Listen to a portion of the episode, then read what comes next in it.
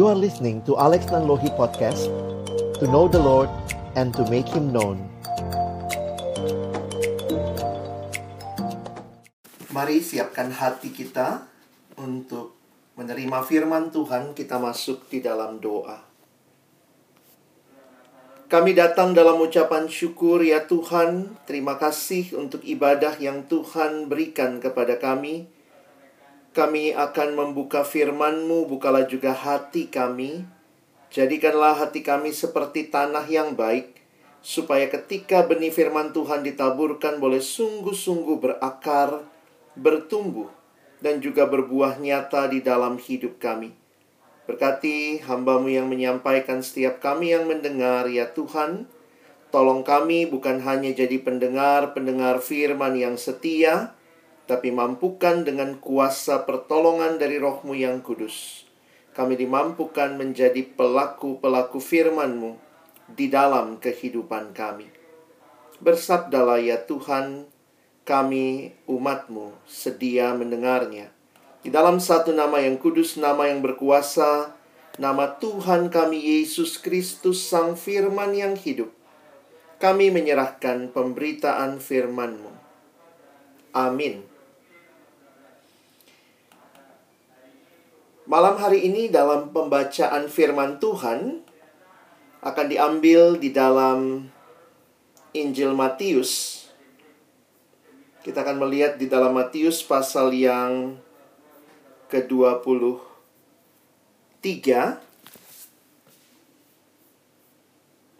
Matius pasal yang ke-23 uh, Maaf ini slide saya kayaknya tidak berjalan dengan baik ini ya Oke okay.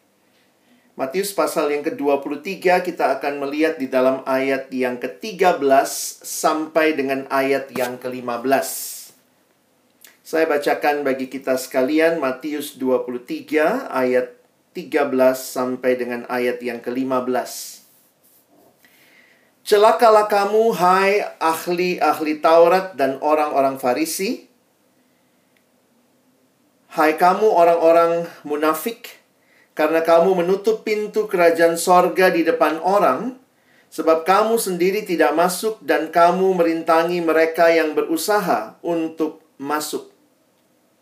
Celakalah kamu, hai ahli-ahli Taurat dan orang-orang Farisi. Hai kamu orang-orang munafik, sebab kamu menelan rumah janda-janda. Sedang kamu mengelabui mata orang dengan doa yang panjang-panjang. Sebab itu, kamu pasti akan menerima hukuman yang lebih berat. Celakalah kamu, hai ahli-ahli Taurat dan orang-orang Farisi, Hai kamu orang-orang munafik, sebab kamu mengarungi lautan dan menjelajah daratan untuk menobatkan satu orang saja menjadi penganut agamamu, dan sesudah ia bertobat, kamu menjadikan dia orang neraka yang dua kali lebih jahat daripada kamu sendiri. Sedemikian jauh pembacaan firman Tuhan, berbahagialah kita yang bukan hanya membacanya, tetapi juga merenungkannya, melakukannya dalam hidup kita, dan bahkan membagikannya. Bapak Ibu yang dikasihi dalam Tuhan Yesus Kristus, senang malam hari ini kita bisa berjumpa. Ini jadinya namanya berzumpa ya, karena lewat Zoom. Dan kembali melihat bagaimana anugerah Tuhan nyata bagi kita sekalian di tengah-tengah pergumulan yang kita juga alami. Firman Tuhan malam hari ini adalah bagian dari khotbah Yesus atau sebenarnya ini adalah peringatan Yesus kepada murid-muridnya supaya mereka berhati-hati dengan orang-orang Farisi. Orang-orang Farisi ahli Taurat adalah kelompok yang menguasai kitab suci tetapi dalam kelakuan hidup mereka, mereka tidak melakukan apa yang diajarkan atau yang ada di dalam kitab suci. Orang-orang Farisi ini di dalam bagian ini kita lihat berkali-kali diberikan label sebagai orang munafik.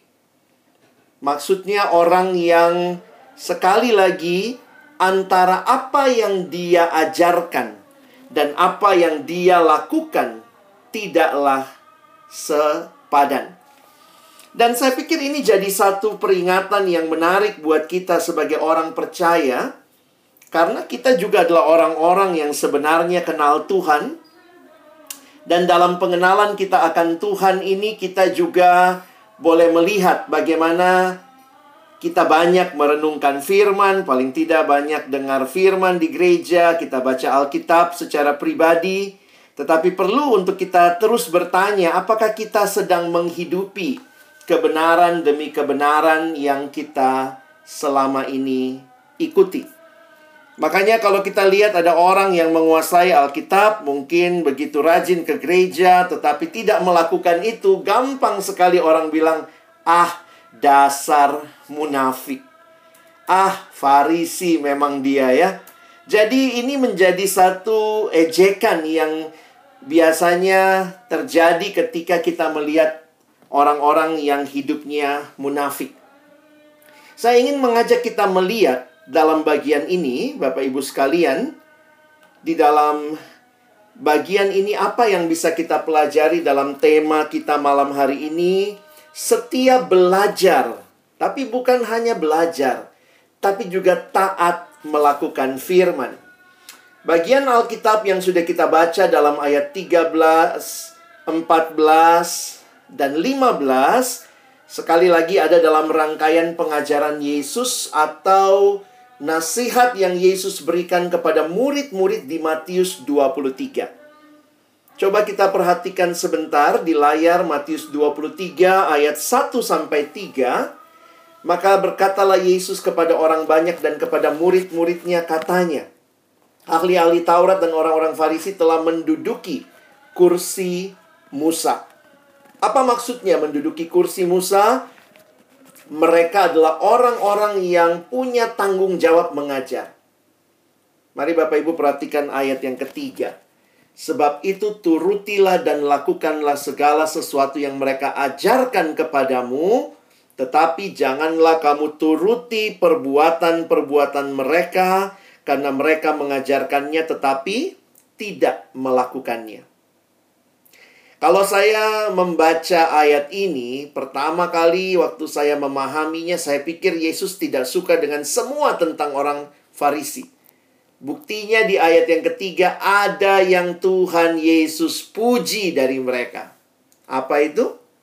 Ajarannya. Ya, karena itu Yesus bilang kepada muridnya, turutilah dan lakukanlah segala sesuatu yang mereka ajarkan kepadamu.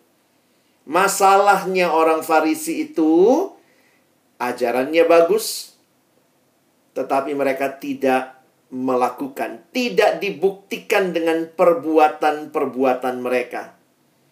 Jadi, ini satu kontras yang sangat menarik antara murid dan orang Farisi. Jadi, kalau kita lihat di dalam bacaan sebelumnya juga Matius 22 kalau kita masih ingat ceritanya ketika orang-orang Farisi mendengar bahwa Yesus telah membuat orang-orang Saduki itu bungkam Farisi ahli Taurat ini satu kelompok mereka ahli-ahli hukum ahli-ahli perjanjian lama. Perhatikan ayat 35 dan seorang dari mereka, seorang ahli Taurat, bertanya untuk mencobai dia. Guru, hukum manakah yang terutama dalam hukum Taurat? Oh, jadi buat mereka yang paling penting adalah perdebatan mana yang paling utama. Lalu Yesus menjawab, Kasihilah Tuhan Allahmu dengan segenap hatimu dan dengan segenap jiwamu dan dengan segenap akal budimu Itulah hukum yang terutama dan yang pertama. Dan hukum yang kedua yang sama dengan itu ialah kasihilah sesamamu manusia seperti dirimu sendiri. Pada kedua hukum inilah tergantung seluruh hukum Taurat dan kitab para nabi. Bapak Ibu yang dikasihi dalam Tuhan Yesus Kristus, mari perhatikan sebentar. Hukum-hukum yang menjadi perdebatan yang mungkin jadi ajaran-ajaran yang sering dibicarakan oleh orang-orang Farisi ini sebenarnya intinya cuma dua ini. Kasihi Tuhan Allahmu, kasihi sesamamu manusia. Sehingga tidak heran ketika kita melihat apa yang Yesus sampaikan di dalam bagian ini. Ketika Yesus mengkritik orang-orang Farisi ini bahkan dengan kalimat yang cukup tegas. Celakalah. Celakalah. Apa yang celaka? Karena mereka tahu hukum. Mereka tahu harus mengasihi Allah. Mereka tahu harus mengasihi sesama, tetapi realitanya mereka tidak lakukan itu. Oh, bisa terjadi seperti itu? Bisa. Orang-orang yang mengerti hukum harus mengasihi Allah, harus mengasihi sesama, tetapi di dalam menjalankan hukum itu, fokus ketaatan mereka kepada hukum. Kalau ditanya kenapa mereka taat sama hukum, sebenarnya adalah untuk diri mereka sendiri. Saya melayani banyak juga di anak-anak muda, termasuk anak-anak teruna, anak remaja dan sering kali memang terlihat juga banyak anak-anak menguasai Alkitab. Untuk apa? Untuk cerdas cermat Alkitab, CCA. Menguasai Alkitab bukan untuk dihidupi, tetapi untuk nanti kalau kompetisi saya menang. Jadi firman Tuhan menjadi sesuatu yang begitu diingat, bahkan dihafal, mungkin juga didebatkan, dibicarakan tetapi dalam rangka sekadar untuk kompetisi. Karena itu mungkin dia hafal, hormatilah ayahmu dan ibumu. Wah, anak teruna hafal itu. Hukum keberapa pun mereka bisa sebut langsung. Hukum kelima, hormatilah ayahmu dan ibumu. Tapi di rumah, belum tentu ya. Dia belum tentu sedang menghormati orang tuanya. Demikian juga orang tua bisa menghafal ayat-ayat hai bapak-bapak ya. Hai suami kasihilah istrimu.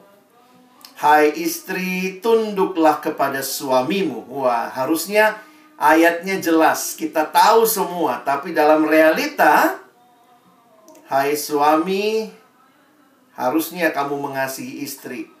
Tapi ternyata bisa jadi itu tidak dilakukan Hai istri, tunduklah kepada suamimu. Eh, yang terjadi istri, tanduklah suamimu. Jadi ini realita kehidupan yang kembali diingatkan kepada kita. Hukum-hukum ini penting, tetapi bagaimana juga kita tidak kehilangan esensi dari hukum ini. Perhatikan kalimat Yesus ayat 40 tadi. Pada kedua hukum inilah tergantung seluruh hukum Taurat dan kitab para nabi. Kalau ditanya apa sih intinya semua hukum Tuhan? Kasihilah Tuhan Allahmu. Kasihilah sesamamu. Itu inti. Jadi ketika kita tahu banyak hukum-hukum, Pertanyaannya, apakah hukum-hukum itu memimpin kita punya kehidupan yang mengasihi Tuhan dan juga mengasihi sesama? Di dalam tiga ayat yang kita baca tadi di awal, itu yang difokuskan Yesus adalah kepada kasih kepada sesama. Mari kita lihat sama-sama tiga ayat tadi. Perhatikan Matius 23 ayat 13. Harusnya kan hukum itu membawa orang makin mengasihi sesama. Lihat apa yang dilakukan oleh ahli Taurat, orang Farisi, orang munafik ini. Karena kamu menutup pintu-pintu kerajaan sorga di depan orang. Sebab kamu sendiri tidak masuk dan kamu merintangi mereka yang berusaha untuk masuk pengajaran-pengajaran di dalam Alkitab diibaratkan seperti kunci yang membuka pintu supaya orang boleh masuk ke dalam kerajaan sorga. Tetapi ahli-ahli Taurat ini, orang-orang Farisi ini, pakai pengajaran-pengajaran itu justru mengunci dan orang tidak bisa masuk. Wah ini ngeri ya. Ketika hukum bukannya membebaskan, tetapi hukum mungkin mendiskriminasi, tidak masuk, tidak boleh ikut. Nah, ini kita bisa lihat dalam kehidupan keseharian ya. Apakah hukum yang adalah untuk mengasihi sesama? Kalau hukum itu untuk mengasihi sesama, harusnya itu yang terlihat jelas. Tapi kadang-kadang sayangnya yang terjadi hukum mengasihi sesama tidak dilakukan dengan tujuan mengasihi sesama. Mari lihat lagi ayat 14. Sekali lagi, ahli Taurat, orang Farisi, disebut orang munafik. Apa yang mereka lakukan? Ini ahli hukum. Mereka tutup pintu kerajaan sorga di depan banyak orang. Oh sorry, ini lanjutannya ya, yang ayat 14. Mereka menelan. Mungkin belum muncul, nanti bisa lihat ya. Mereka menelan rumah janda-janda apa artinya menelan rumah janda-janda? Ini mengingatkan kita bagaimana justru ahli-ahli hukum ini menggunakan kuasa mereka, menggunakan kesempatan mereka justru untuk me merugikan. Dan yang dirugikan itu di sini digambarkan janda-janda ya. Jadi saya pikir ini ngeri sekali ya. Kalau ternyata orang-orang yang menguasai hukum justru berbuat seperti itu. Menelan rumah janda-janda, mengelabui mata orang dengan doa panjang-panjang. Kita mendengar ada gereja-gereja, kita tidak menghakimi, tetapi ada realita di mana gereja tertentu mengajarkan ajaran-ajaran bukannya jemaatnya ditolong, tetapi justru jemaatnya dirongrong. Sudah sulit malah semakin ditekan. Hamba Tuhannya kaya raya, tetapi tidak bertanggung jawab dengan keuangan. Itu bisa terjadi juga. Jadi isi khotbahnya di gereja semua persembahan, persembahan, kasih persembahan. Jemaat tambah miskin, hamba Tuhan tambah kaya. Wah, ini jadi mengerikan ya. Sama seperti yang terjadi pada masa itu.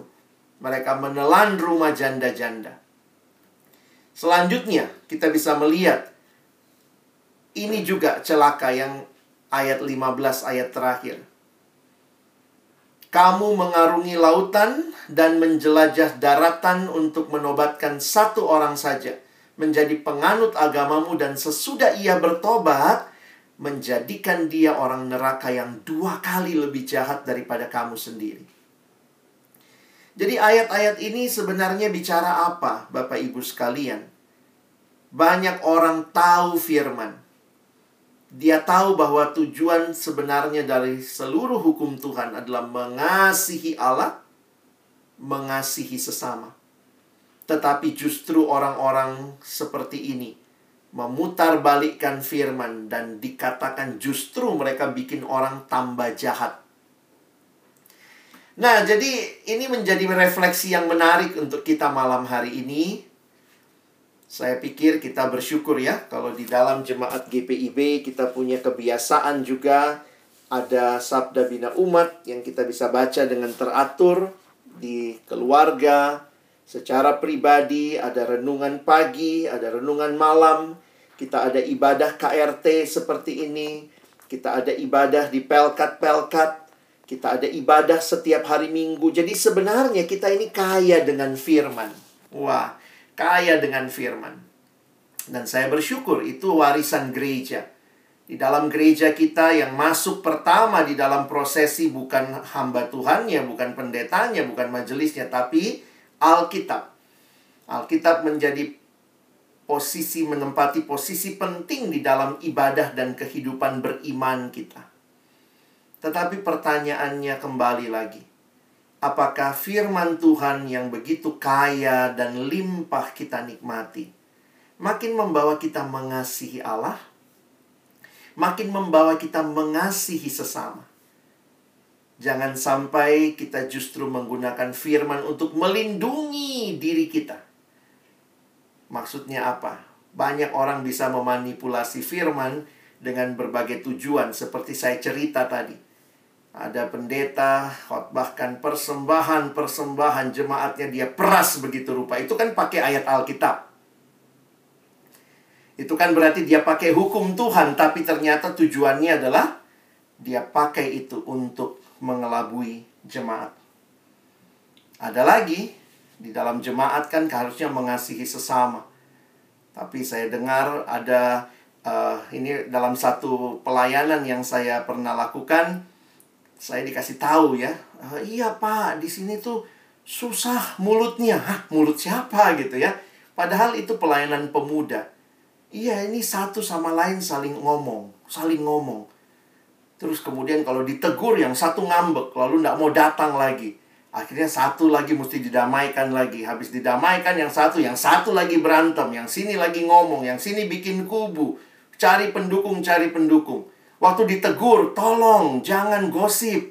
Mereka bilang, ini nggak gosip pak, ini sharing. Wih, bedanya apa? Jadi dia pakai ayat begitu ya. Dia bilang, iya kalau kita sharing karena kita tutup dengan doa. Jadi gosip kalau ditutup dengan doa jadi sharing. Ini pakai firman untuk apa? Untuk sekedar mengikuti keinginan. Jadi hati-hati, kita yang tahu firman bisa juga ber, berlindung di balik firman. Dalam arti berlindung bukan hal yang benar, tapi untuk hal yang salah. Nah ini kelakuannya Farisi. Saya berharap kita di sini tidak begitu ya. Tentu kita semua belum ada yang sempurna. Kadang-kadang juga masih ngomong orang ya. Kadang-kadang kita juga terjebak kalau satu sudah pancing-pancing, ih saya jadi ikut juga ya. Sudah nanti kita tutup doa jadi sharing itu. Jadi sharing ya. Kadang-kadang tidak mudah. Tetapi kita sedang semakin hari kiranya firman itu membawa kita semakin serupa dengan Kristus. Karena itu Bapak Ibu uh, yang dikasihi dalam Tuhan Yesus, perenungan firman Tuhan malam hari ini menolong kita jangan jadi farisi.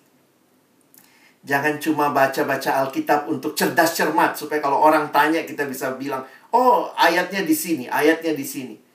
Tetapi biarlah juga hidup kita benar-benar menyatakan bahwa hukum-hukum Tuhan itu firman Tuhan itu telah membawa kita semakin mengasihi Tuhan, membawa kita semakin mengasihi sesama. Dan itulah yang sebenarnya Tuhan Yesus inginkan.